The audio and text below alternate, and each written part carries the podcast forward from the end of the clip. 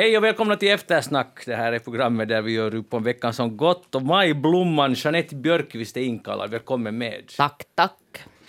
Och när du säger majblomma så menar du säkert att det är ju den här min födelsedagsmånad. Jo, Jo, och det glömde jag ju förra och det fredagen. glömde du verkligen fast hur jag försökte ganska direkt... Antyda. Alltså inte ens antyda utan ganska direkt meddela flera gånger Men att jag hade födelsedag. Men Tur- det for nu. det for, och, sa hon, inte alls bittert. Tur att jag kom ihåg de där, att, att du fick morötterna här i förväg. Så det var ju en... På ett Det var det en inte alls för Ah, ja. att du sa ingenting om födelsedag då. Vitsi, vad är man försöker. Men grattis i Men alla tack, fall, tack. om du nu kan ta emot dem. Jag kan ta emot det. Ja. Tack. Maria Waström har inte haft födelsedag. Eller har har du också haft Nu har haft någon gång. Ja, ja, men men- inte nu nyligen, Nej. När har du? Mars. Ah. Grattis för det också. Ja, tack, tack. Maria Waström, eh, jordbrukare från Ingo, är med här idag. Du har delat med dig en så fin bild när du har traktorn där i bakgrunden. Ja, det är ju mitt i Facebook. vårbruket nu. Ja, Det det. är ju nog sådana som har lite eh, insyn i hur vårbruk sköts så de undrar nog att hur, vad är det där för en bonde som kan komma till Helsingfors mitt i, i, i det där vårbrukstider och, och lämna det där viktiga. Ja, vad är det riktigt för en bonde? Ja, man undrar lite. Ja. Men jag har ju den här fina fördelen att jag har alla, alla mina hjälpredor i olika generationer som, som står till tjänst. Ah, och de rycker in De rycker in alltid, de är väldigt pålitliga och bra. Ja, berätta nu lite, vad händer nu under vårbruket? no, man sår! just så att man sen ska kunna skörda. Ja, vad sår man då, i ditt fall? I Eh, fall? nu idag har vi sått korn och före det också lite vete och raps. Mhm. Och sen blir det ännu havre. Havre, så mycket jag har snappat upp, det är väldigt populärt. Är det, är det bra ja, business? Ja, det är sant. Ja. Men vad, vad händer med kornen? Vart, vart säljer ni det? Korn, det, tanken är att det blir maltkorn och då går det ju till dem. Ja, ja precis. Nåja, nu talar vi. Eh, men, men lyckas man inte få det till den, det finns ju vissa såna här kvalitetskriterier, Ja. så, så då blir det djurfoder. Aha. Men, men tanken är att det ska bli malt av det hela. Eh, Har ni mest av alla de där tre nu upp, korn, vete, havre och raps, eller vad var det nu var, Ja. så var korn det som ni har mest av? Uh, no, faktiskt brukar det vara så, ja, oftast. Och i år är det nog också så. Men det är nu sådär ganska jämnt fördelat. Jeanette, skulle du känna igen korn på en åker? Jag tror att jag skulle göra det. Va? På riktigt? Men herregud, jag är ju uppvuxen Nej, jo, jo, vid åkrar. Det är länge sen. Okej, man glömmer inte, förstår. Nej, man glömmer inte, man glömmer inte när man har hört du traska de är ganska åkrarna. lätt att känna igen när det har Ja. lite sådana, sådana uh, strontar som sticker Ja, ut de ur, är stickiga, ur sina... Ah, kor. De är Ja, men sen har ju rågen har ju också sådana, så det är ju nog lite besvärligt. För det fanns ju nog i skolböckerna bilder på de Ja, här det fanns fyra. ju nog det. Och man, Ja. man borde kunna dem. Det alltså, lättaste inte är havre här känner Påstår du nu, det har ju Magnus, att du, att, du, att du inte har sett alltså? Har du inte varit Nu så har jag nära ju sett korn. Jo, för, det, det har nog varit ganska mycket faktiskt. Men det betyder inte att man förstår vad man ser. Och det är ju lite pinsamt. Det är därför jag försöker fråga nu, Maria. Det är bra. Ja, ja, just det. Sen hade vi också en massa höstvete, men det måste vi så om för det gick allt förlorat under det här tjocka islagret som, som det där... eh, Det var ju helt märklig, märklig vinter, åtminstone i, i, i våra trakter så var det så att det, det var plusgrader ibland och så var det minusgrader och så blev det mycket tjockt islager och, och, och den här höstseden klarade inte det. Jag har sett att det är ganska blött på åkrarna där i, en del åkrar där i Ingå. Alltså riktigt Nå, sådana små upp nu. Det torkar upp och det är bra, nog. Ja, det blir omstart. Omstart blir det. Det blir det inte på eftersnack, utan vi fortsätter ungefär var vi slutade förra veckan. Eh, Jag heter Magnus Lundén, programmet alltså Eftersnack. Anne Heikkilä är tekniker idag. Och nu NATO kommer marscherande, eller vi marscherar mot NATO i- med stormsteg kan man väl säga.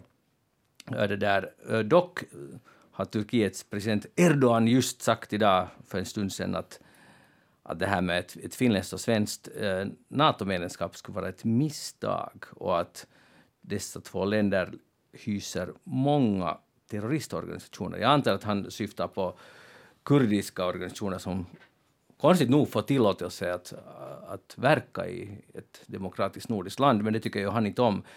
Och jag jag förstår att ingen av oss tre kan nu bedöma att är det här ett spel så att Finland och Sverige ska vara lite snälla mot Turkiet så går, godkänner de Finlands medlemskap. Men om de inte skulle göra det så blir inte Finland och Sverige medlemmar. Så det är ju lite intressant, eller vad Maria? Det, det är lite intressant, ja. Det som också är lite intressant är att eh, vi satt här i studion i jag tror att det var i januari och talade om Nato också. Mm. Och då tror jag att uh, vi var alla ganska sådär uh, en, en del av oss, till exempel du Magnus, var mm. väldigt uh, skeptisk och jag tror att också jag och Jeanette var lite skeptiska. Men nu har vinden vänt och det har ändrat lite situationen sen dess. Ja, om man vill, uh, vad ska vi säga, ja, det, ibland är det bra att kunna byta åsikt. Och ja, och speciellt om situationen förändras. Ja, för det är ju, det, är ju det att inte, det är ju inte samma situation längre. Och då, ja. då måste man ju beakta den utgående från, från hur, hur läget är idag. Man ska vara klar nog att ändra sin åsikt om det finns orsak.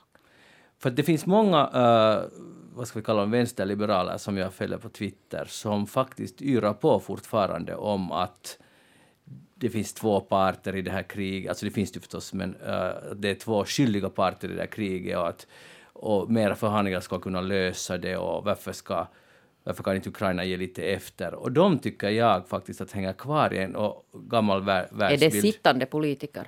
Nej, nej, inte politiker, nej, utan intellektuella tyckare och så här. Och nu också politiker i USA. Uh, Chomsky till exempel, som inte är politiker, men, men som säger, och han skulle aldrig säga så om USA, att borde inte de länder USA har attackerat uh, gett lite efter och, och, för att han är emot USA per definition. Och det blir bara, jag tycker att det blir så enkel världsbild att alltid i alla situationer tycka på ett visst sätt. Om, om ni förstår vad jag menar. Man måste kunna anpassa sig. Nu har faktiskt...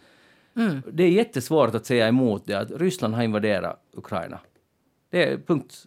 Det är så det är. Att, att därför, eh, och sen förstås finns det historiska, man kan tänka sig att det finns lite jag skulle inte kalla det orsaker, men no, i Putins hjärna och i Rysslands ledningshjärna kanske någon, någon, form av förklaringar till det här, men faktum kvarstår, där är de. Uh, så det är inte så mycket att snacka om egentligen.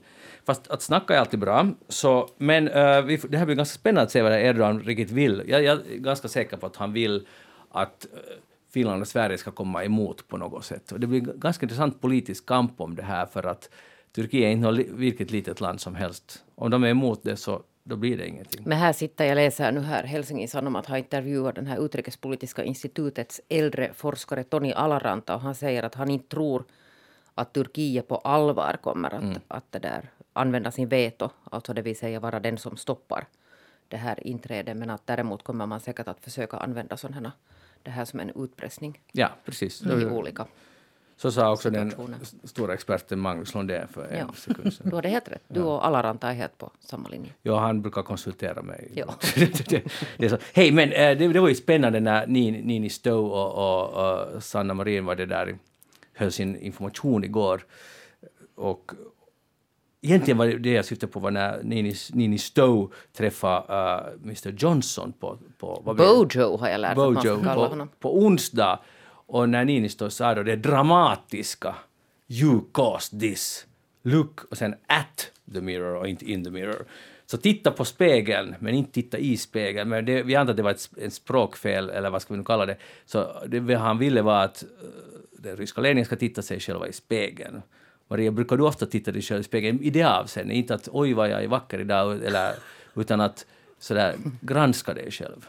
Liksom att sådär. Mm. Ja, fast det kan man ju alltså göra också utan att, se, utan att ha den där spegeln. Ja. Jo, det skulle jag säga. Jo, kanske för ofta. Det är ah, inte ja. så, ja, ibland kan det också vara, vara nästan destruktivt. Att se sig ja, Man rannsakar sig själv. Rans, alltså. Ja. Oj, nej. Det, det blir så mycket som man, ska, som man kan dra fram. Men det är hälsosamt, men kanske i, i måttliga mängder, tror jag. Ja. Men jag tyckte det var bra av Niinistö, tyckte jag. Och det, det är ju fint på något sätt. Jag menar, det kom inte som en överraskning för någon vad, vad de skulle säga, vad innehållet i det här uh, talet skulle vara. Men att i alla fall på det sättet så är det roligt när det, när det är lite så här historiskt och, och, och plötsligt, det är ju en stor sak alltså som kommer att ha långtida verkningar och, och då är det bra att man har någon sån här... Också man kommer ihåg att hej, kommer ni ihåg när han sa det här? Och Precis. då blir det nästan som så här bevingade ord. Ja. Fast det nu inte kanske var så, så himla speciellt. Men det som jag uppskattar med det, jag, jag tror att det kommer att förbli ett, kanske någon form av, eller vi kommer alla, som du sa, vi kommer att komma ihåg det där. Uh, uh, det som jag också älskar med det är att han talar ju faktiskt det vi kan kalla klarspråk. Mm. Att äntligen så kan man säga att om inte, an, om inte tidigare så senast nu så allt snack om finlandisering kan vi glömma. För att nu, och det var också så där ovanligt liksom rätt fram och rakt, att ser i spegeln att ni, det är ni som har förorsakat det här. Jag tycker att det är ganska förut agerade Finland med ganska låg profil och, och diskutera mm. och, och, så här. Det har de säkert gjort också nu i någon viss mån i alla fall, i alla fall tidigt, för innan 24 februari. Men det här var uppfriskande fräscht. Ja, det kan man ju nog säga. Överhuvudtaget hela den här processen har ju varit väldigt sådär... Uh, ja, men de har ju, alla de som har haft den, den makten har ju visat liksom gott ledarskap. Mm. Tycker jag nog att man kan säga i det här. Och, och också varit tydliga och sådär att man att det känns som att, no, att vi är i någorlunda trygga händer trots allt. Tycker du Jeanette att debatten har pågått tillräckligt länge? Mm. Det är nog en enorm sak att gå med i en militär allians. Inte vet jag, alltså det är väl nu så att det där att, att helt liksom praktiskt är det så att nu kan vi inte hålla på alltså diskutera för länge och, och folkopinionen har ju väntat alltså dramatiskt. Det gick snabbt. Uh, och det var ju alltså så som Niinistö sa att, att det där att det Ryssland har drivit liksom oss till det här. Sen tänkte jag bara igår när det kom det här då väntade beskedet så de här stämningarna, nu ska man ju inte hänga för mycket på sociala medier så som jag gör, men det var ju nog liksom nä, nästan så där karnevalistiskt, liksom euforiskt. Den här att vad allt man sätter in, just det här att mm. finlandiseringen är slut och, och jubel och nu blir vi liksom en del av, av västländerna. Och ja. att, att det gick liksom hemskt mycket känslor i det. Och, och jag sätter alltså inte så stora känslor att, att jag hör säkert till de här som alltså tidigare har varit skeptisk och nu av, av liksom praktiska skäl har vänt åsikt. Men, men nu skulle det ju ha varit förstås alltså bäst om vi inte skulle ha behövt befinna oss här. Absolut, att, att nu går ja. vi alltså in, jag går nu in så där liksom eh, liksom, eller står bakom det här men, men inte det är ju liksom, inte det med några stora sådana glädjekänslor eller, eller, eller sånt som många märkte jag var alldeles faktiskt i ex extas. Ja, och många säger ju att åh, det här har vi väntat på i, i tiotals år. Eller så här, att, att vadå, det var ju kanske helt bra att vi inte gick in tidigare, för inte har vi ju behövt det tidigare. Det är nu som vi behöver det och nu verkar det nu vara så att världen har förändrats på det sättet att, att det kanske är läge för det. Men att inte upplever jag heller att, att, att vi tidigare har haft en anledning till det. Och sen är det ju alltså, eh, det blir ju så när den här situationen vänder så här snabbt att, att man kanske blir lite okritisk också. Att det kan ju nog hända att, att det skulle ha varit helt sunt att föra en lite längre diskussion. Eh, men att nu i det här fallet så, så hann vi inte med det. Eller så upplever folk det som så känslomässigt just att, att, det, att det liksom finns ett utrymme för det. Nej, och det har man ju nog märkt att det har ju blivit, alltså det blev ju hemskt snabbt en hemskt stark alltså känslofråga. Ja. För att, för att faktum är nu till exempel inom Vänsterpartiet till exempel där Li Andersson nu säger att hon står bakom Nato men inom det partiet så finns det ju många som, som inte nu står bakom det här. Och, och då har det ju varit lite, liksom funnits sådana tendenser att om man säger att man inte stöder det här inträdet nu så är man plötsligt putinist. Mm. Att det finns liksom inte den här, den här gråzonen att, att, att det kan finnas nog rimliga, alltså det är ju klart att det inte är så att om inte man stöder Nato så stöder man Putin. Det är inte alltså så, då, då förenklar man världen. Alltså det, det är svartvitt. Utan det kan finnas andra helt alltså logiska förklaringar. Mm. Och, och, och liksom orsaker till att man, man förhåller sig skeptiskt. Helt alltså eh, vettiga, trovärdiga förklaringar. Ja. Och nu är det ju ett tecken på också en, en, en sund demokrati, det att det finns utrymme för olika slags åsikter. Ja, om... Utan att man blir alltså nersablad eller liksom utsatt för någon sån här, sån här drev om man uttrycker en, en det där kritisk åsikt. Ja, jag är kanske mest oroad för det att, uh, jag, det som, så som du beskrev din inställning till NATO, ungefär samma som jag. Så motvilligt, att det är ju så här vi måste göra nu jag, jag, tyckte det som sagt inte för några månader sedan, men, men nu har Ryssland skapat den situationen. Men eh, det var en debattartikel i Aftonbladet som en norsk uh, vänsterpartist från norska vänsterpartiet SV skriver, där uh, Ingrid Fiska, kan hon heta så? No, så står det, Fisko, uh, skriver att, att Norges liksom manöverutrymme har minskat jättemycket och att, att går man med i NATO så blir man sen man hamnar in i en process och det är jättesvårt att stå så att säga på sig. Uh, USA kan börja kräva att man ska ha militärbaser och så vidare. Och så vidare. Och jag förstår att hon är ju förstås helt subjektiv. Men det är sådana här saker som blir lite, att hur, hur mycket kan vi sen påverka själv? No, så tänker jag att nu, nu känns det ju liksom, det, det, alltså jag har en sån här känsla, alltså större känsla av trygghet för att Jens Stoltenberg är där. Det är Norden, det är liksom ja. Norge, att det är på något sätt, nu är vi här. Att det är ändå sådär grannlandet och, och, och, nordiska gemenskapen. Men inte det är så att han kommer att sitta där för evigt. Nej, han ville ju tvärtom avgå, men så fick han väl förlängning ja. nu här. Så. Och, sen är, och sen är plötsligt alltså... Och den, USAs president kommer inte heller att sitta nej, där. USAs president kommer inte heller att vara det där samma i, i evigheter. Att det där, sen i det skedet liksom i några nya konstellationer så är Sverige och Finland väldigt små. Ja. Men då är det i alla fall då, då har vi i alla fall den här nordiska uh, gemenskapen som kanske ger en viss, viss liksom axelbredd i alla fall. Och det stämmer att nu har vi fem NATO-medlemmar oberoende i Norden, och vad, eller snart kommer vi att ha, oberoende vad som händer med NATO, vem som blir USAs president, så tror jag att det här ökar det nordiska samarbetet, alltså militära samarbetet, jättemycket och stärkt Norden i, i, såna, i den dimensionen. Och ja, så uh, vi är här och det är helt en följd, följd av allt som har skett på några månader. Man kan vara glad och det är nog i alla fall nu en nog en ökad trygghet. Sen vet vi inte vad som händer om tio år, men det, kan vi, det vet, skulle vi inte veta oberoende. No, sen kan man ju säga att om, på tal om den här kritiska debatten så nu kan jag inte påstå att jag skulle ha följt med precis alla medier uh, hela tiden. Men nu när, jag, liksom när man öppnar svenska tidningar till exempel så nu är det ju alltså betydligt fler sådana här kritiska, alltså att de ger rum för kritiska röster, alltså helt sådana här mm. trovärdiga mm. kritiska mm. röster.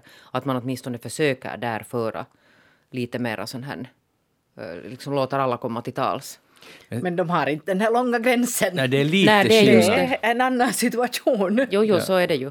Alltså, man tittar på kartan. Så Men alltså den långa gränsen betyder ju inte att man inte ska få liksom tycka att det här Nej, är ett dåligt beslut. Nej.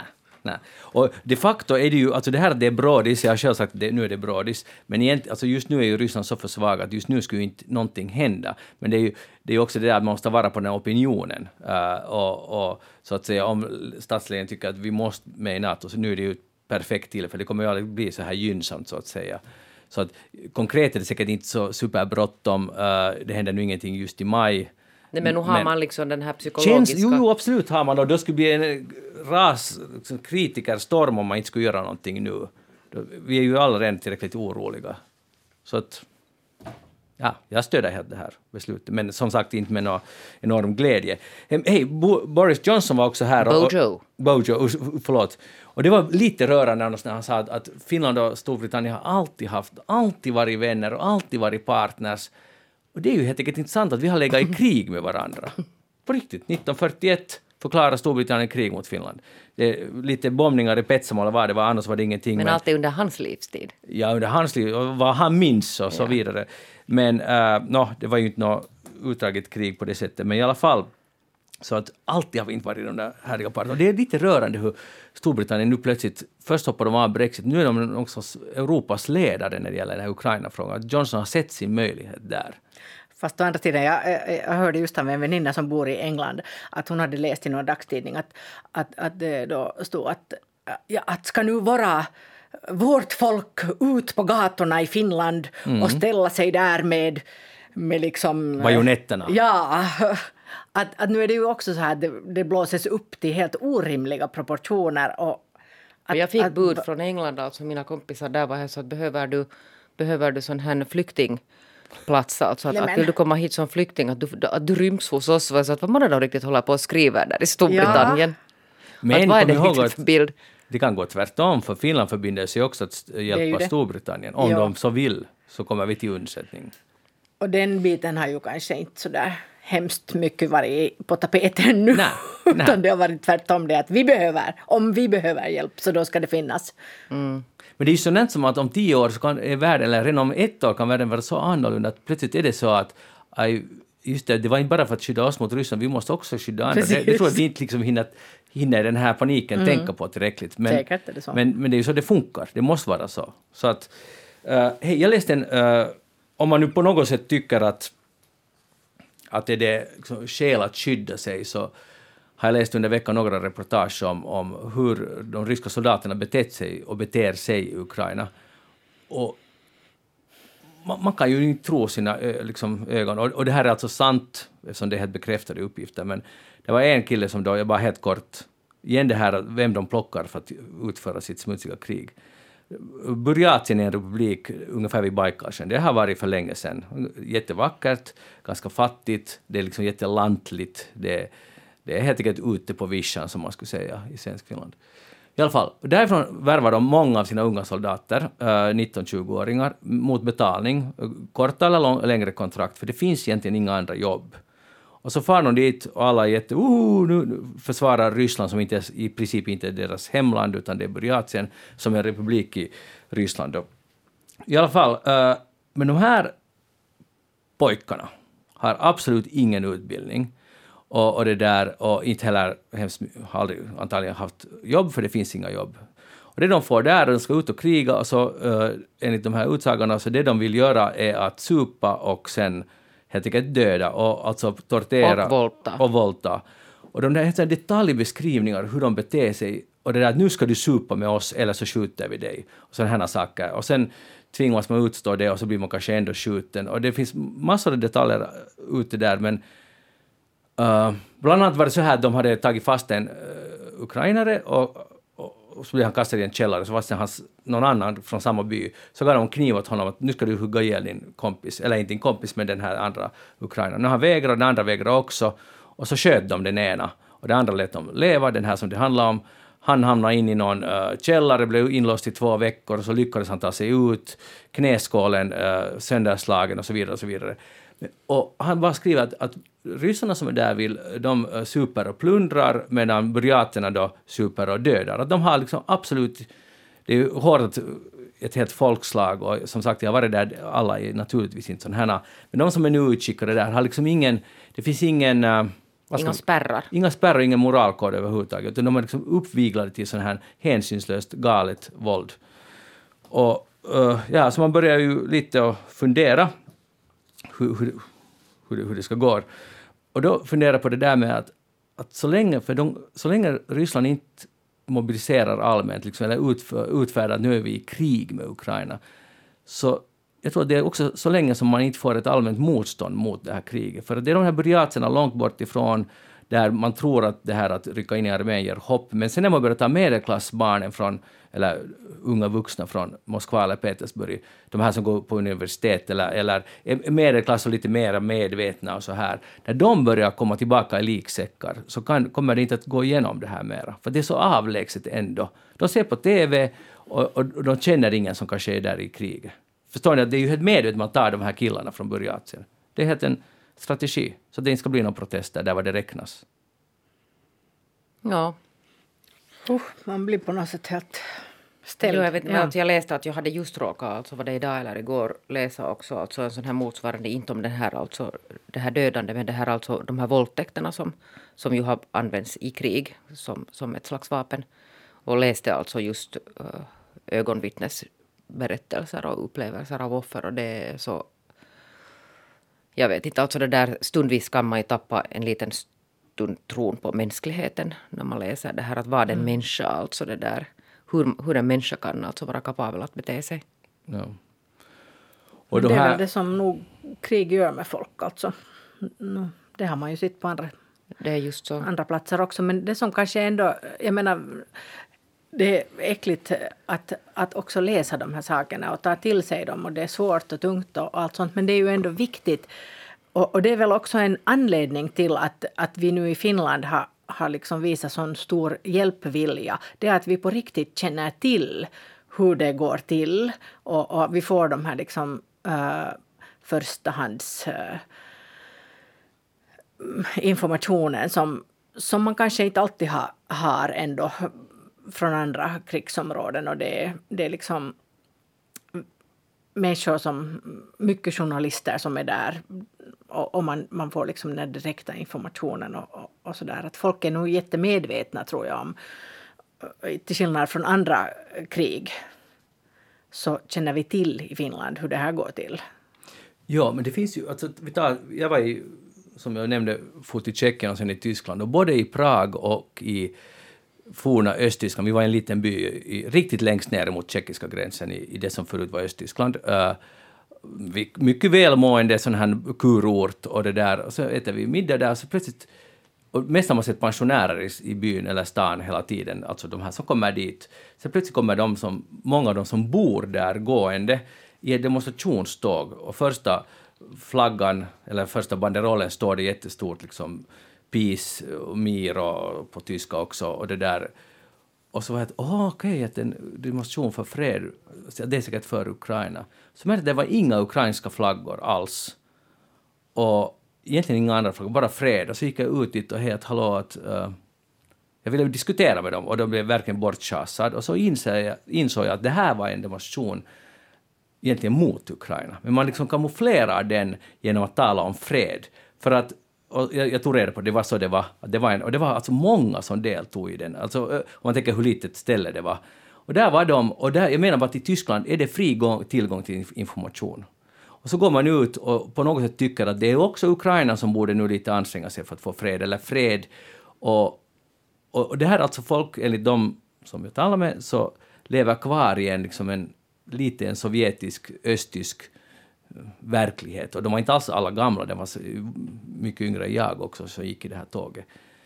Uh, och trots all information som finns så anser de att den informationen är falsk. Så det här går de ut och demonstrerar för, för fred. Och det är sånt hyckleri att tala om fred och, och det där och inte, och inte säga att, att det finns faktiskt en som är attackerande part i det här kriget. Mm. För att inte sen tala om opinionen i Ryssland. Att nu är det ju helt otroligt att, att den här propagandamaskineriet har lyckats så här. Att det, att Men de den liksom... har varit igång länge. Den har ja, varit igång sedan före 2014. Ja, jag förstår nog absolut det. Ja, ja, men, man skulle ju kunna tro att, att just med tanke på att nu finns ju där också information. Men eh, totalt liksom sån här att man blundar för och att man vägrar se det som att, att det, det är Putins krig utan det istället är liksom äh, väst som nu är aggressivt mot dem och de måste försvara sig.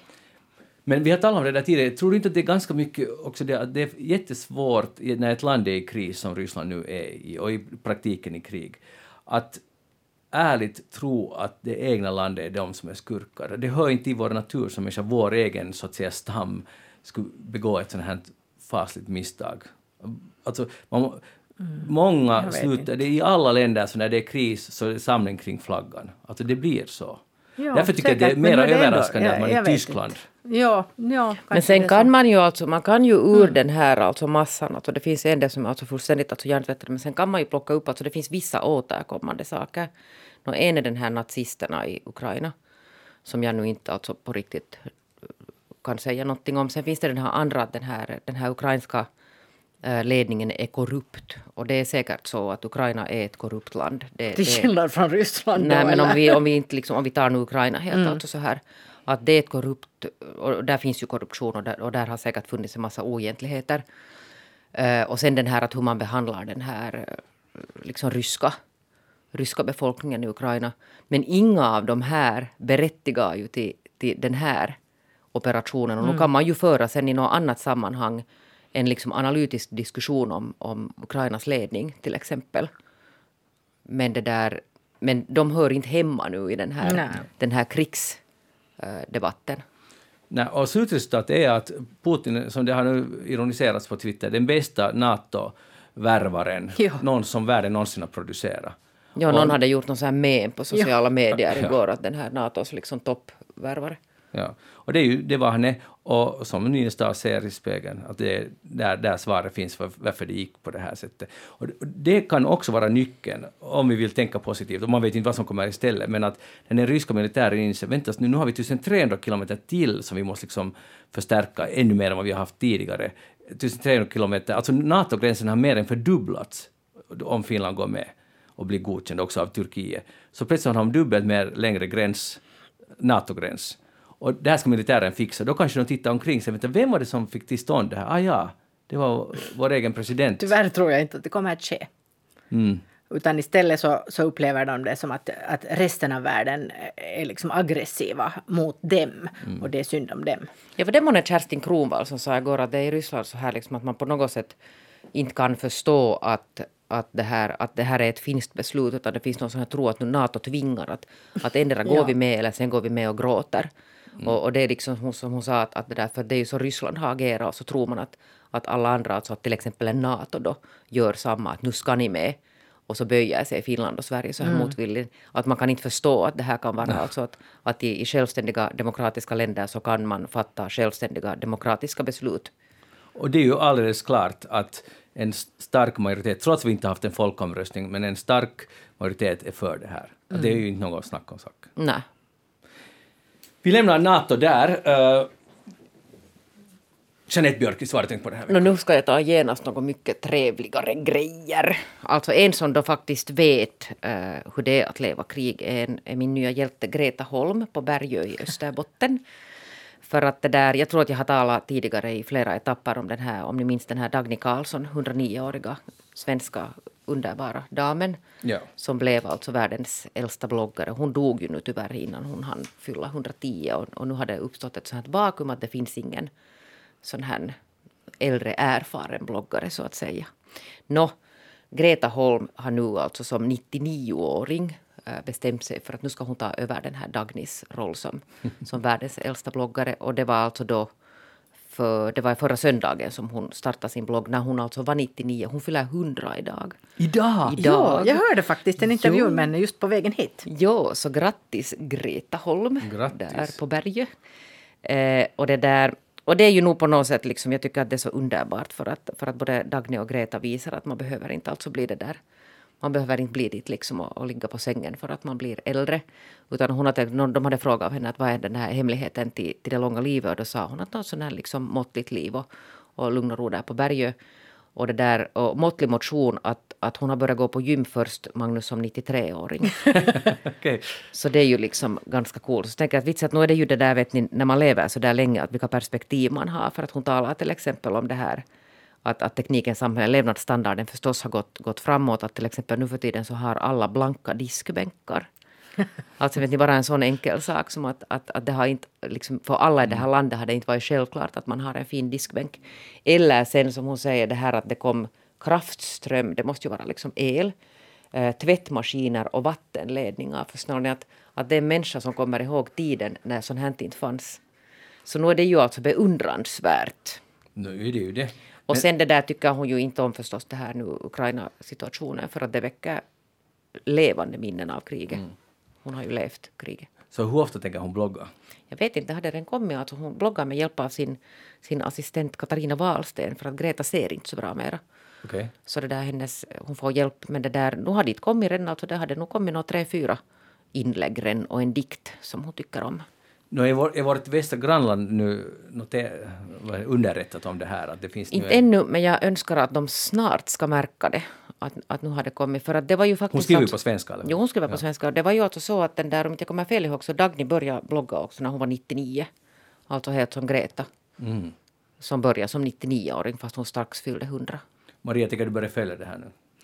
No, jag blev lite intresserad nog äh, när jag hörde det i radion. Vi ska nu se, vi ska nu se. Jag är inte faktiskt någon sån här stor följare av bloggar. Inte jag heller, men, men Dagnis läser jag. Men jag hurrar nog. Jag tycker det är helt super. Åtminstone på det personliga planet tycker jag det är jättefint att hon, att hon liksom har hittat en ny, ny hobby i det här skedet av livet så att säga. Mm. Och, och gym sen 93-åring, hon har ändå sex, sju års erfarenhet. Jo, jo, men det är aldrig för sent att börja. Nej det är ju inte. Mycket bra. Tack. Men dessutom hörde jag eh, att hon hade skrattat mycket. Det tyckte jag. jag misstänker att det är det som är orsaken till att hon har fått ett långt liv. Ja, måttlig motion, lugnt och mycket skratt. De mm. säger ju att ett gott skratt förlänger livet. Ja, just det. Sant. Maria, tycker du du har skrattat tillräckligt i livet? Om du... Hmm, något tillräckligt? Vad är nu sen tillräckligt? Nu ja. tror jag att jag har skrattat ganska mycket. Ja, det ja. tror jag nog. Men inte, gärna lite mer ännu. Jeanette, hur är det med skratt? Jag har nog skrattat jättemycket i mitt liv men nu måste jag kanske säga att de här senaste åren har jag inte skrattat tillräckligt mycket. Det borde man jobba på. Man måste sam, vara flera samma. ofta. Man måste vara flera tillsammans för det är ju, man, sitter ju inte hemma och skrattar ensam. Och därför har inte pandemin varit så hemskt bra för just den saken. Nej. Men alltså jag tycker att det är bäst att skratta också. Eller kanske det bästa, men det är ganska roligt när man inte kan hålla tillbaka till sitt, sitt eget fnitter till exempel. Men du har, jag håller med om Jeanette om att att senaste året har det blivit lite mindre. Ja, det måste vi jobba på. Ja. Man kan ju alltså... Mera umgänge som du sa Maria. Man kan ju alltså fejkskratta också. Det lär, kan det funka? Ja, det lär alltså åtminstone så att Jag man skratta tills, ja, tills man börjar skratta sen på riktigt över hur löjlig man är. Alltså den här oberoende att, att är, det liksom, är det ett skratt som kommer ur en situation som på riktigt får en att skratta eller är det där att man liksom på något sätt tvingar kroppen att skratta? Men då är det det där fysiska eh, som, som ger det här, som kanske säkert också är hälsosamt på något sätt. Men, att, men i skratt är det är ju kanske en, en ännu större del än det fysiska är ju liksom den här glädjen. Och Ja. det, det är nog svårt att få till stånd genom att, att liksom När man behöver, hitta på. man behöver också de här riktiga. Ja, jag tror det. Riktigt skratt förlänger livet. Maria Wahlström, vad har du tänkt på den här veckan? Uh, jag har tänkt på att prata i telefon.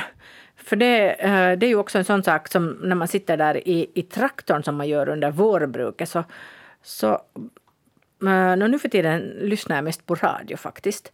Men jag insåg att, att förr i världen, på den gamla goda tiden, så pratade jag ganska mycket i telefon. Och det gjorde jag annars också med, med människor, alltså så där, utan att egentligen ha ärende till dem. Och speciellt alltså i min barndom, men det är ju jättelänge sedan. Men, men då ringde man ju till sina vänner och så satt man och pratade med dem. Jag kunde prata säkert i timmar. Och nu insåg jag att jag gör ju inte längre och det är ju nog jättesorgligt. Uh, jag har mycket kontakt med, med mina vänner och, och, och inte alls, jag tror ju inte att de har övergett mig. Men ändå så tänker jag att, att vi kommunicerar på helt andra sätt idag. Alltså det är ju hemskt mycket via WhatsApp Ja, och det- Messenger och de det är just det, och det, det är nästan liksom i skriven text. Ja. Eller, och, och jag menar klart också det att man träffas, det, det tror jag inte i princip har det nog inte minskat, det tror jag inte, under, förutom nu under pandemin. Men, men det där att, att man inte liksom samtalar, och det säger jag det är ju generationsfråga definitivt. Mina föräldrar till exempel lever i en sån generation, de pratar ännu med varandra i telefon. De ringer upp och sitter och pratar med sina vänner. Men, eh, och jag kanske någon gång gör det, jag kanske någon gång pratar med min syster bland annat, brukar jag prata i telefon. Men, men, eh, och sen när jag ser på mina barn så de pratar ju aldrig. De, de skulle ju, det är ju, om de ringer så då har de ärende. Och det är hemskt kort ärende. Och hemskt kort, ja. ja. Det, det skulle aldrig vara liksom en halvtimmes samtal med någon. Så där lite ditt och datt om, om hur man känner om det och vad man tycker om det ena och det andra. Inte vet jag, hur gör ni? Pratar Nej, ni i har- telefon? Nej, alltså alldeles för sällan. Jag har tänkt ganska många gånger på det. Att varför pratar jag inte alltså med mina vänner mer? Jag har en sån här kompis, hon bor alltså i telefonen. Jag tror att hon sitter från morgon till kväll alltså när hon inte jobbar så, så sitter hon alltså och pratar. Men det där, de flesta andra så det är ju faktiskt så alltså på, på WhatsApp och det är ju helt Ja. alltså otroligt dumt. Och det är ju kanske också det att man är liksom lite rädd att störa. Ja. För att man har blivit sån här nu för tiden. Nå, dels så har ju folk helt jättemycket hela tiden. Och, och man är upptagen med det ena och det andra. Men eh, och då är det ju förstås att skickar du ett meddelande så då läser man det då när det passar och svarar då när det passar.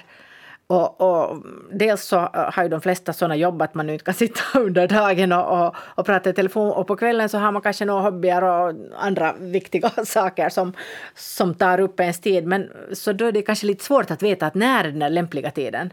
Men om man inte har tid så då svarar man ju inte.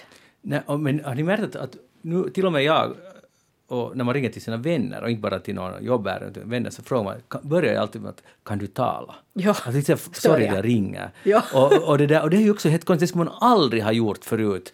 Utan man ut, om man nu inte kan tala så säger man hej, nu hinner jag inte, men klart man Eller så hinner. svarar man Eller inte. så svarar man Ja. inte. Men att, eh, och jag har precis samma upplevelse som du. Jag talar helt extremt mycket i telefon. Alltså timtal.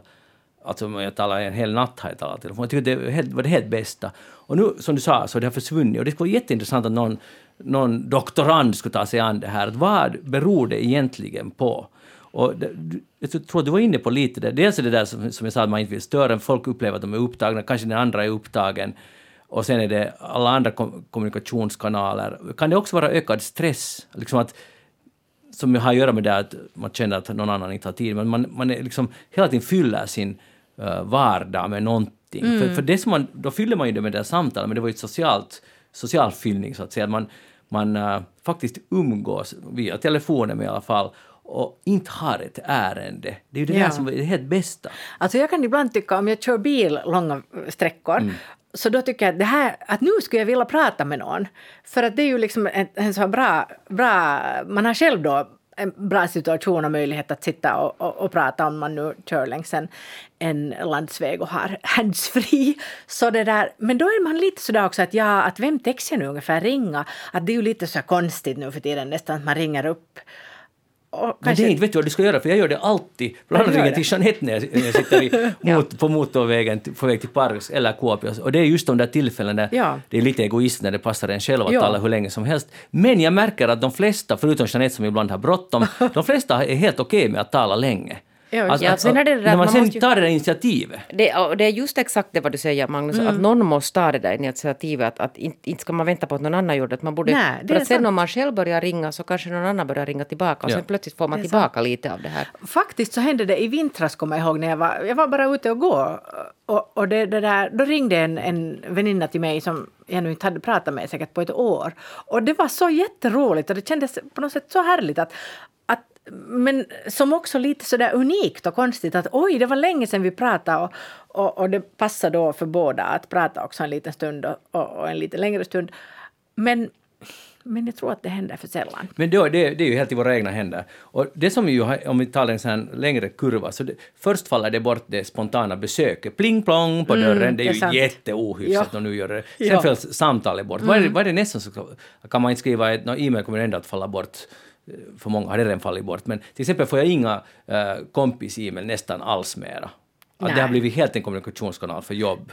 Ja, det är sant. Och, och sen meddelanden är oftast kanske jättekorta. Ja, om man tänker att, att helt, ja. om du skriver ett e-postmeddelande så då kan det ju vara som ett brev, att det är lite längre och man kanske också berättar om man nu mot förmodan gör det alltså. men uh, men det, det, är mera som ett brev. Om du skickar ett textmeddelande eller en WhatsApp-meddelande så är det kanske tre meningar. Mm.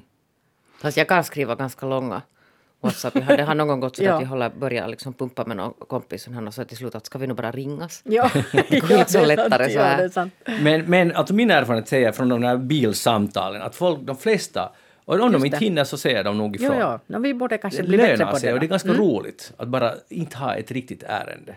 Utan bara läge. Ja, Vad är sant. läge? Det är första frasen och inte att störa. Ja, just det. Vad är läge?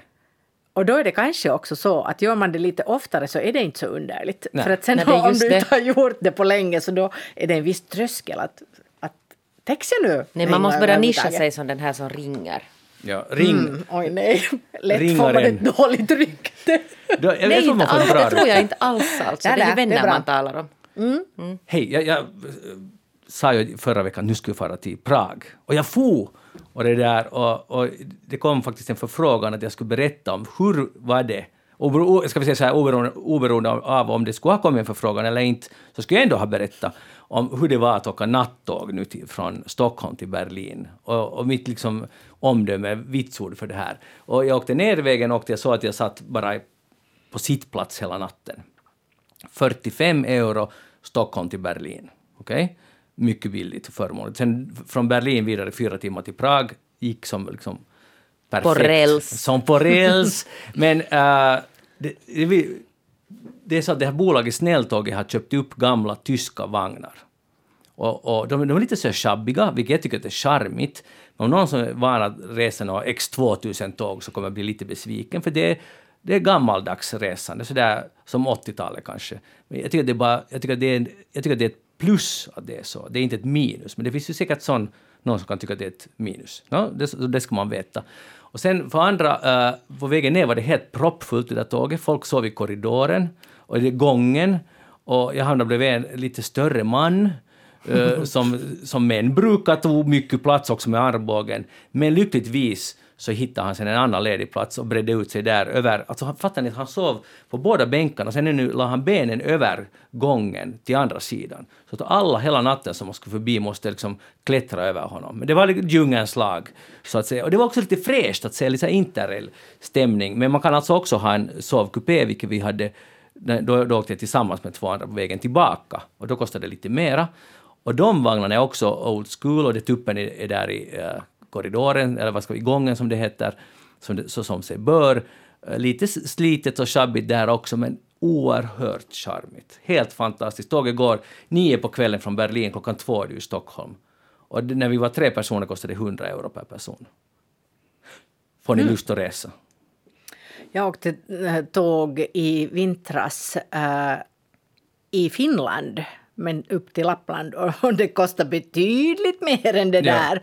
Och det var också sådana gamla shabbiga sovvagnar som jag faktiskt inte riktigt hade så varma känslor för som inte. du. Och det är faktiskt så att äh, beställer man tåg, alltså sovkupé då, på de här finska VR-tågen så kan man inte välja om det är ett nytt, för det finns ju fina nya sovvagnar. Vi hade till exempel så att vi hade ena vägen en fin och fräsch de här nya. Eh, modern sovvagn. Ja. Där var också uh, nog WC'n i, i, i, korridoren. Men sen andra uh, vägen så var det alltså, det var sådana här gamla riktigt med trä tre det där sängar ovanpå varandra och fönstret som inte kunde stängas och det luktade lite mystiskt och det var lite för varmt och det var gick inte att justera samma. den där värmen och det var nu det ena och det andra. Så jag, faktiskt så måste jag medge att jag nog föredrog de här nya moderna vagnarna. Mm. Men var det mm. samma pris på de här? Ja, det var. För, för det är ju på något sätt så att, att det är i det skedet när man betalar hemskt mycket pengar ja. så tycker man no, det är nog då... lite så. Jag måste nog säga att det störde mig nog ganska mycket. Mm. Jag förstår, jag förstår. Uh, men åtminstone tidigare var det så med VR att när man gjorde telefonbeställning kunde man välja till vilken no, det är möjligt, jag gjorde det ja. på nätet. Och där... Man kan säkert inte göra telefonbeställning till no, VR. Ja, man kan, man kan. Kanske man, man kan, kan, men de, det är säkert bakom någon sån här, man ska vara firmande journalist för att hitta det där numret någonstans, utan ja, de vill ju nog att man gör allt. Och sen ska man vara redo att diskutera om de här robotarna som kommer och kommer och försöker liksom på något sätt stoppa ens väg ja, fram. Precis. Det, men det är nog, De här tryck märkligt. ett och tryck sju och tryck åtta mm. och sätt dit någon kod och liksom tryck ännu sen ett eller fem. Jag tycker att VRs telefonservice, man får ganska snabbt en riktig ja, ja. människa där. Ah, ja, okay. Men, men jag vill, och, eftersom jag vet att eftersnackslyssnare har väntat på det här, så jag har nu och alla eftersnackslyssnare gått till Vaclav Havels grav och lagt ner en blomma. Och att vi tänker på det Europa som en gång fanns och de värderingar han stod för. Vem är Vaclav Havel? Jo, Tjeckiens och Tjeckoslovakiens tidigare president, dissident under ja, vad ska vi kalla det, Sovjettiden. Fråga i inträdesproven när jag sökte till journalistskolan. Så? Ja, jag hade suttit och päntat då. Var det en fråga, vem är Vaclav Havel? Ja. Eller? Eller no, det var på något sätt i alla fall så visste jag. Ja, jag hade läst på. Det var på. kanske därför du kom in. Det var säkert just den frågan som avgjorde. Mm. Och nu ska du fråga mig, vad gjorde du där i Prag? Vad gjorde du Magnus där i Prag? Just det, jag, alltså, det var så att jag for faktiskt på, på ett maratonlopp. Jag hade inte tänkt springa det. Men, för jag har haft lite skador, ganska ordentliga också. Och så när jag ställde mig på startlinjen tänkte jag no why not? Och så började jag springa, jag har aldrig sprungit maraton förut. Och jag tänkte jag springer fem kilometer och så kan jag gå resten, och kanske jag hinner då i tid, för det var sju timmars gräns. Sen sprang jag tio och så tog jag en till Burana, det är jättehälsosamt på alla sätt. Och så hade du Burana med dig i någon ficka? Ja, ja, för det, det tog lite ont. Och så när jag sprang tio så jag tänkte jag springer 22, eller 21, jag har ju sprungit halvmaraton tidigare. Och när jag kom till 21 det kände jag mig fortfarande väldigt fräsch och på topp. Och konstigt nog så var smärtan borta, det kan bero på de där tabletterna. No. Och sen när jag sprungit 21 tänkte jag att 30, nej 32 är det längsta jag sprungit i hela mitt liv någonsin. Så 30 måste jag klara. Och det tog allt längre och längre att komma en kilometer framåt på grund av att eh, farten minskade. Sen tänkte jag 32 är nästa gräns. Och jag sprang fortfarande med 32, mycket långsamt, men jag sprang. Och sen till 36 lyckades jag springa och sen måste jag gå en kilometer. Men jag kan säga att det var ganska sån här vrak, människovrak. Jag var, jag, och med, alltså jag var en del av människovraken som går de där sista kilometerna. Sen gick jag en kilometer, sen sprang jag en, gick en och sprang. Men du tog dig i mål? Jag sprang i mål sista kilometern. Bra jobbat! Jo, tack, men... alltså, hur mycket sådana här kroniska skador orsakar du på dig själv? Säkert alltså? många sådana som jag kommer att lida av länge antagligen. För jag var alltså verkligen otränad. Naja. Din sisu är imponerande men det är nog säkert helt superohälsosamt att göra sådär. Ja, och just att äh, faktiskt på riktigt ganska otränad och sen i den här åldern, lite eh, nätt övervikt och sen uh, skada. Att alla de där, redan en av de där ska vara orsak till att Men tänk att du tog dig igenom det där. Hur, hur länge tog det för dig att ta 4.55. Det var ju inte ens något katastrofalt då. Nej, det är ganska svagt. Nej, men inte det nu vet du sådär med tanke på att, att det aldrig är så meningen att du skulle springa det där. Nej, på det sättet. Men det, jag vill, det är en sak jag, bara, jag vet att maratonhistoria, det som inte gjort sådana, de är ganska värdelösa för de som inte är intresserade. men en grej, att jag har aldrig upplevt sån tristess och sån, alltså den här kombinationen av att varför, hur kan en kilometer vara så här lång? Det vet mellan 38 och 39. Det bara, man bara inte kommer framåt. Och, och, och det är inte att man är slut andfådd med, det är liksom att kroppen bara säger att nu skulle det verkligen räcka. Och så fortsätter Och, så, man. och, och ja, det är den där, och det är det som jag älskar nog med människan ändå. Att man ändå gör det, att man tänker att "Nej, okej, jag, jag måste fixa det här. Och det är ingen nytta egentligen. Nej, men nu har du ju en bra historia att berätta. jag vet, men tristessen, alltså jag, jag skulle inte nu egentligen rekommendera det, men, Men- det är roligt efteråt. Får Men nu har jag du ställa ju- en fråga? Ja. Varför får man till ett maraton och tänker att man inte tänker springa? Man far, eh, för att när man anmälde sig före corona för tre år sedan var man i toppform och var jättekaxig. Och sen den där hybrisen, den här finländska hybrisen, liksom levde med mig. För man äter ju lite koffein där och jag, eftersom jag aldrig dricker kaffe, så jag, jag hade sån här, fni- på tal om fnitta, alltså jag hade massa, jag var på otroligt gott humör. fast jag var ett vrak, liksom rent fysiskt. Det är lite Kanske intressant det gjorde kombination. det gott i alla fall. Då, Kanske det sätt. gjorde det. Men det var väl alltså så att du skulle gå dit och heja på någon kompis? Ja, ja, ja det var liksom huvudsyftet. Och så plötsligt sprang du själv. Ja, ja. Ungefär så. Jag tycker det var bra De kom jobbat. också i mål. Hej, eh, vi har brukat tala om rymden här. Nu har man det där uh, tagit lite månstoft för första gången och odlat krasse. Du, Maria, vad är krasse? Det är så här små gröna skott Precis. No, som är ganska så beska tycker jag. det är Men möjligt. ja, de är helt bra. Mm. Så det finns nämligen på jorden 382 kilo mån, liksom jord... Vad ska vi, man plockar stenar och månstoft och lite vad det nu finns där på jorden, månens yta. Och nu fick ett laboratorium i Florida fick några gram av det här. Jordmån eller månmån? Ja, jag- ursäkta. Tack, det var bra det där! ursäkta. Nå, Och odla krasse för att kolla att vad händer. Och vad tror ni att hände? Det Växte- växte. Det växte. jag, jag tror att den här krassen är ganska så anspråkslös Det är helt tydligt. Och den växte i sex dagar. Men efter Oj. det så... Sen kroknade den. Åh. Och det gick inte sen mera. Men nu anser man att det här ger hopp för vår kommande kolonialisering av månen. Nej, nej, låt nu månen vara. Att om krassen kan klara sig i sex dagar så ska vi klara oss, ja, hmm, en tid i alla fall. Du, du, du, du ser Jag inte vet alls- Varför ser- ska vi med, med våld dit och odla våra Krassen. vår, vår För att krasse? vi Kan har vi inte bara odla den här hemma? Nej, för att vi har för, håller på att förstöra jordklotet. Så, Så då måste man flytta sig till månen och förstöra det. Den. Ja, ja, är Nå, så. Ni var ju inte så imponerade. Nå, inte så hemskt kanske. Nej. Jeanette, brukar du när du... ehm, ni vet när man, när man väger, väger frukt Ja. så är det lätt hänt att man lite tänker att, att om jag skulle sätta de här äpplena, två Nej. äpplen till. Nej, men, Man, man tänk, man kan, den tanken har nog... Nej. Den har inte gått igenom Jeanettes huvud, men genom mitt huvud har den någon gått. Men nu finns det en kille som har dragit det till sin spets i det där i K City Market, Jumbo. En 60-årig Helsingforsbo. Så han skulle köpa... Han satt först en lök på vågen och fick en äh, sån litet klistermärke för 54 cent. Sen tog han det här klistermärket och köpte en äh, någon sån här Matberedare. Ja, matberedare. Du har läst den här grejen? Ja. En matberedare och som kostar 59,99 och gick till den här self-service-kassan, självbetjäningskassan och så blev han fast. Att han klistrar den här lökprislappen på sin låda. Ja, vad bra att han blev fast. ja. Men han sparar inte så mycket pengar för vad var det han fick böter? Nå, 152. Ja, så det blev sen ändå en dyr. Dyr matberedare. Tror ni att, nu undrar jag, om det här skulle, tror ni att han lärde sig en läxa? Ja, jag tror. Ärlighet varar längst. Och jag hoppas att alla andra som tänker ens tanken också lär sig en läxa för att de, de, de övervakas faktiskt. De här, det är inte så att man hur som helst bara kan Nej. gå därigenom. Jag, jag tycker bara Men det det, där- den här det gamla klassik- dåligt. Jo, jag menar, Men den här eh, gamla klassikern är ju det där, alltså jag har ju jobbat då på faktiskt City Market. Det är den här att, de, att, att man sätter sina frukter och så håller man med fingret lite upp den här. Ah, ja. Så att det kommer, det ser ut som att det skulle väga men då får man det lite mindre. Så av det har du gjort? Men Nej, jag gud, har inte gjort det om, utan om jag man vet blir att... ärtappad alltså. Ja. Det är just Hmm, det. jag- jag att inte att plötsligt det har man, plötsligt sättet. har man alltså tre kilo äppel som kostar en euro.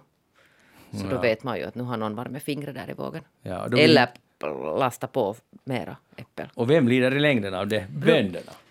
Ja, just det. På ett ja. eller annat sätt. Så är det. Ja, företagaren som har butiken också. No, också, också den. Hej, det är Eurovisionen Ah, imorgon. Eh, Jag har satt för några månader sedan, lite för sent, men jag satt en, en summa på att Ukraina vinner, alltså helt av politiskt, eh, politiska skäl. Är det fel att man... eh, Det är ju sannolikt att Ukraina vinner, för att det, sympatierna ligger där. Men de Eller- ska ha en bra låt också. Ja, men tycker ni... Om Ukraina vinner, och vi antar, för den är inte tydligen musikaliskt den allra starkaste. är det fel eller rätt? Men när ever har den som vinner varit den starkaste? Det är alltid ja. lite politik. Lite Ingen politik. ska komma och påstå att det här inte är alltså också en politisk... Jo, men det får inte heller vara för uppenbart, för då blir det nog lite trist. Sådär som när Balkanländerna röstar på varandra. Nå, det är att sant. det är den här tiden- Och Finland röstar på Sverige, det- Sverige röstar på Men det Finland. tar också udden ur en sån där tävling. Jo, men det är ju där. just det och det är därför jag har lite tröttnat på det där. För att det är ju liksom tiden på åren när man lite sådär, fast man, fast man kanske nu inte alltid är så glada på varandra, men där delar man sen lite poäng sådär. Att det föds välvilja. Men det kanske borde kunna ha lösts på det sättet att Ukraina skulle få något heders första pris och så skulle det vara en, så att säga en riktig tävling för de andra. Men den är andra. aldrig riktigt riktig. Nej, Mm. då blir det något annat som är oriktigt. Men jag tror alltså att eh, det kommer att finnas, det här är, hoppas jag har fel, men någon sorts sabotage från ryska hackare, att de liksom uh, jammar de här telefonröstnings eller hur det nu funkar, den här, för att de vill säkert förstöra den här showen. Och det är inte alls omöjligt. Och Europa blir ja, hjälp Eurovisionen, liksom, eh, hackar, det skulle inte alls vara bra. Så det, det är tyvärr en risk, utan jag har, jag har inte läst något om det här, det var vad jag själv tror.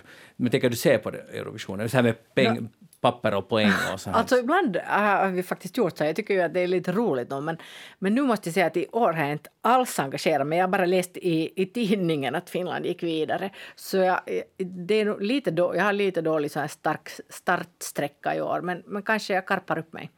Jag tänker se på det. Jeanette? Jag ska också titta, jag tittade 30 minuter igår bara för att titta när Rasmus uppträdde. Var det bra? Jo, den var bra, men alltså, de andra låtarna var så dåliga så sen bara orkar jag inte mer. Men vi ska säkert titta. Äh, med, alltså, ger du poäng? Och, Nej, nej, nej, Va? nej, nej. Men det är roligt nog om man har, då, där är igen viktigt att ha liksom, om man gör det med vänner, att man, har, man gör det till en grej liksom. Inte per Då kan det telefon. vara- Nej, in real life. Jeanette Björkqvist, tack för att du var med i Eftersnack. Lycka till imorgon i Eurovisionen. Maria Wasslund, tack för att du var med. Jag heter Magnus Lundén. Eftersnack tillbaka igen om en vecka och ni kan e-posta oss på eftersnacksnabelayle.fi eller gå in på facebook.com eftersnack där vi ska lägga ut eh, länken till bloggaren. Jeanette fixar det. Ha det bra, hej då!